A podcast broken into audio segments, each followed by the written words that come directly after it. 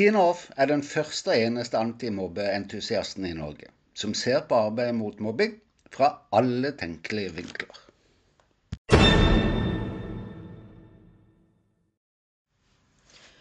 Introen i dag blir superduperkort. Vi må snakke om mobbeombudene. Om utgangspunktet for ordningen, hva deres funksjon har blitt, og hva de finner i sitt arbeid. Det er fortsatt en midlertidig ordning, så klart vi kan snakke om det. Velkommen til episoden i dag. Som et ledd i reformen av mobbeloven ble UDIR gitt i oppgave å skape et mandat som for det første utvida prøveordningen med mobbeombud til å gjelde alle barn og unge i utdanningsløpet, og ikke bare i VGS som det hadde vært så langt. Videre var det å sikre ett ombud i hvert fylke viktig. På bakgrunn av oppgaven ble en rekke aktører og organisasjoner kalt inn for å komme med innspill. Og jeg kan fortelle deg at det var et fantastisk sammensurium den dagen jeg var der. Utrolig artig, men lite matnyttig. Fremfor å fokusere på ett eller begge nivåene i mobbesaker, kompetanseutvikling og eller hvordan imøtekomme behovet for støtte og drahjelp i feltet, ble det alt annet enn det. Det er ikke så rart, for vi kom inn i møtet fra helt ulike ståsteder. For det første så var det representanter der fra fylkeskommunen og de var jo mest opptatt av arbeidsvilkårene. For elevrepresentantene som kom inn, og organisasjonene med elevperspektiv, var det selvfølgelig mobbesakers direkte håndtering og effekt som var viktigst. For representantene fra Læringsmiljøsenteret var det forskningsfunn fra arbeidet mot mobbing og kompetanseutvikling som var viktigst. Og sånn kunne jeg fortsatt og fortsatt. Interessant nok var det ingen der med erfaring fra saksbehandling over tid i enkeltsaker mellom voksne, sånn bortsett fra lille meg. Det gjorde at ingen i lokalet var med på en diskusjon om hvilke behov det er disse mobbeombudene bør møte. Som jo burde ha vært utgangspunktet for hele møtet, tenkte jeg da. På lik linje med utgangspunktet i elevenes behov som ikke dekkes. Jeg lar det ligge der. La oss gå over på de siste årsrapportene som mobbeombudene har skrevet, og som jeg har funnet på nettet. da. Jeg har ikke funnet alle, det må jeg bare si med en gang. Hva avdekker disse syv mobbeombudene sine rapporter, og hva som skjer, og behovene i praksisfeltet? Det er jo litt spennende å se på. Trøndelag rapporterer om 95 nye henvendelser skoleåret 2021, og at det ikke er mindre mobbing. Den største økningen er blant de yngste barna. De finner mer digital mobbing og flere barn som utvikler skolevegring. De melder også om ventetid hos PPT som av betydning i mobbesaker. Nytt er at flere førsteklassinger opplever det utrygt på skolen. Innlandet rapporterer om 101 henvendelser skoleåret 2021 hvorav flest i fjerde, femte og tiende trinn. Fellesnevneren er at citat, 'det kan skje hvem som helst' citat slutt, på ungdomstrinnet. Innlandet peker også på citat, 'fortvilte foresatte i møte med et stort system'. Citat slutt. Og skriver citat, Bak disse maktesløse foresatte er det barn som møter nye krenkelser pga. brudd eller manglende initiativ. Citat slutt. Viktig, viktig.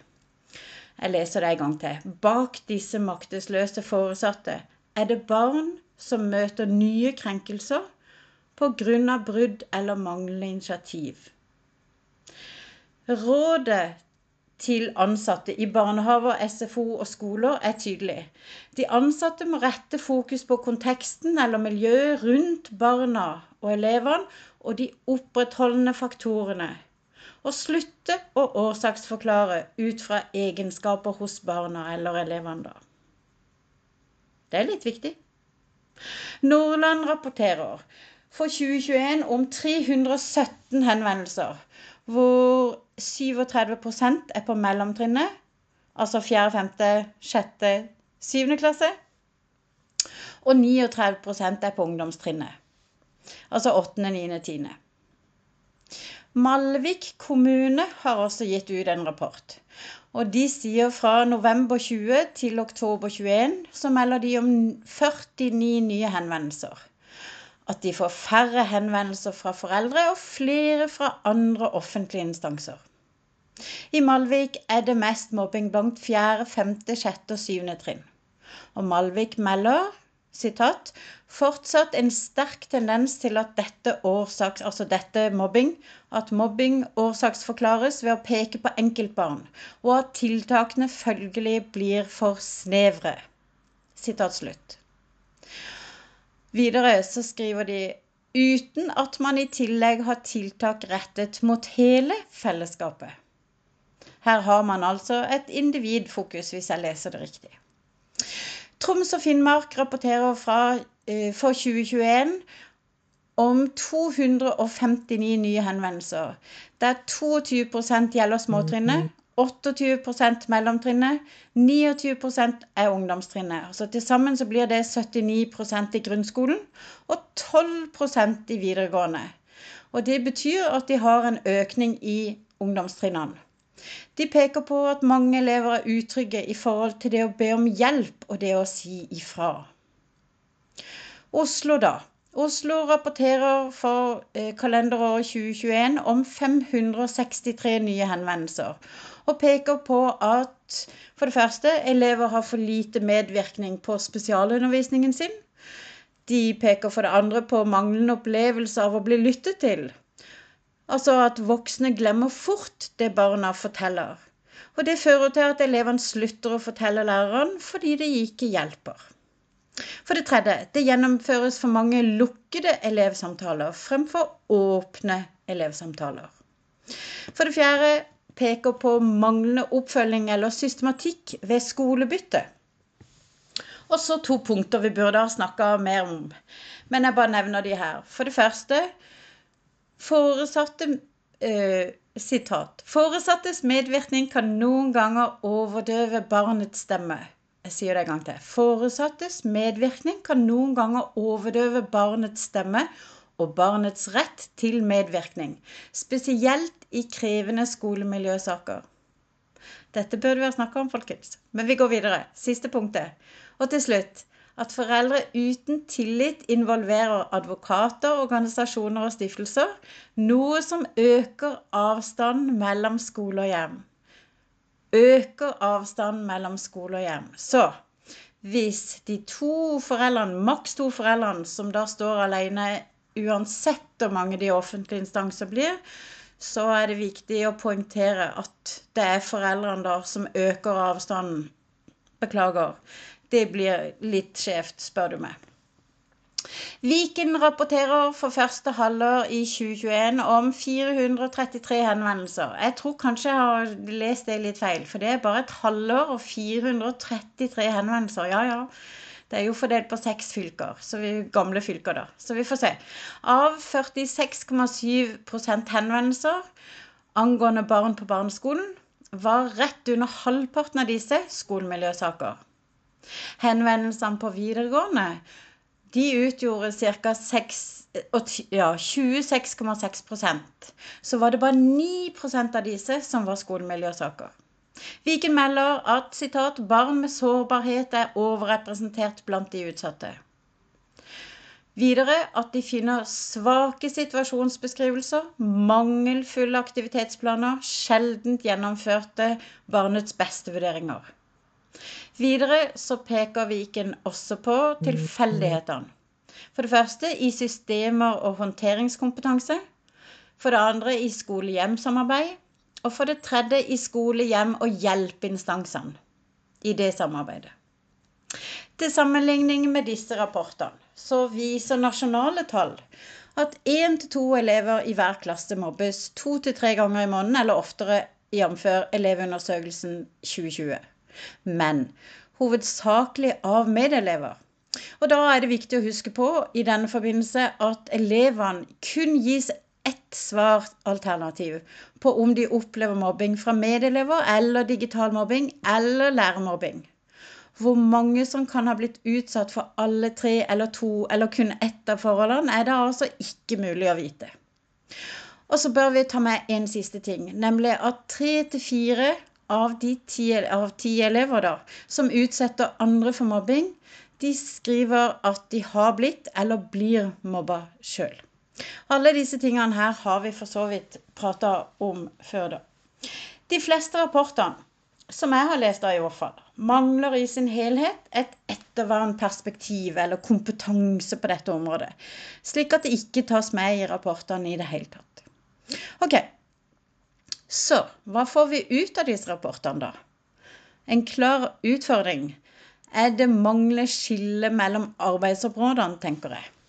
For det første, mer treffsikre tiltak for elevene Altså den utsatte, den eller de som utøver, og tilskuerne eller medelevene i klassen f.eks. eller på trinnet.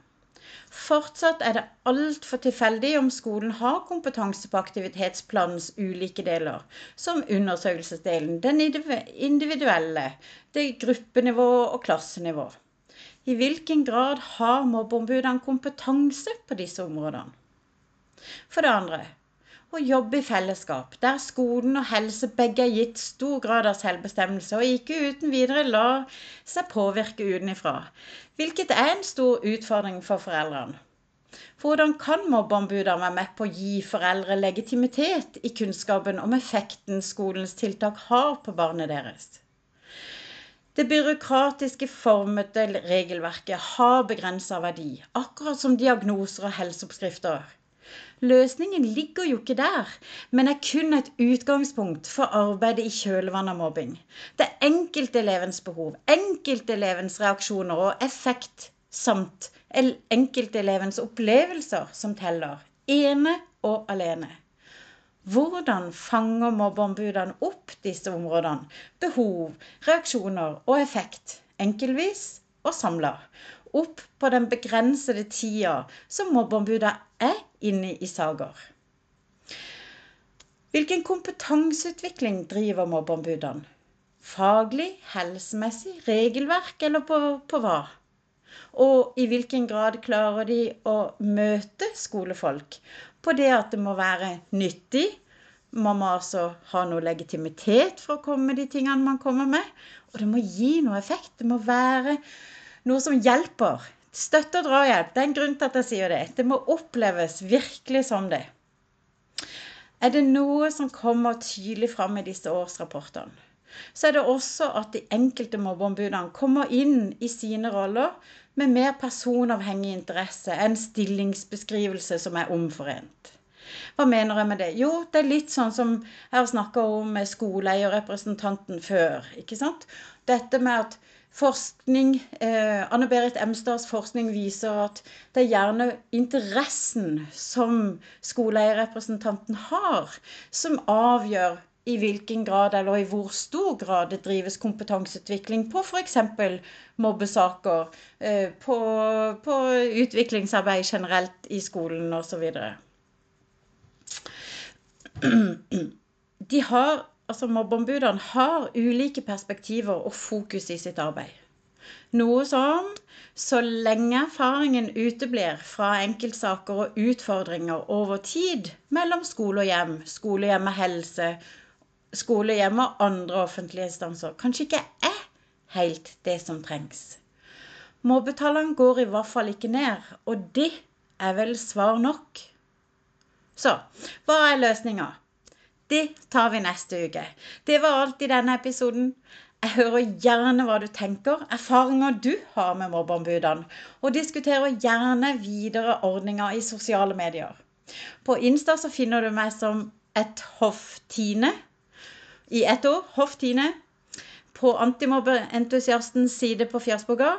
Eller på e-post tine at antimobbeentusiasten.no. Til neste gang om bl.a. helseskoordinatorrolle. God uke!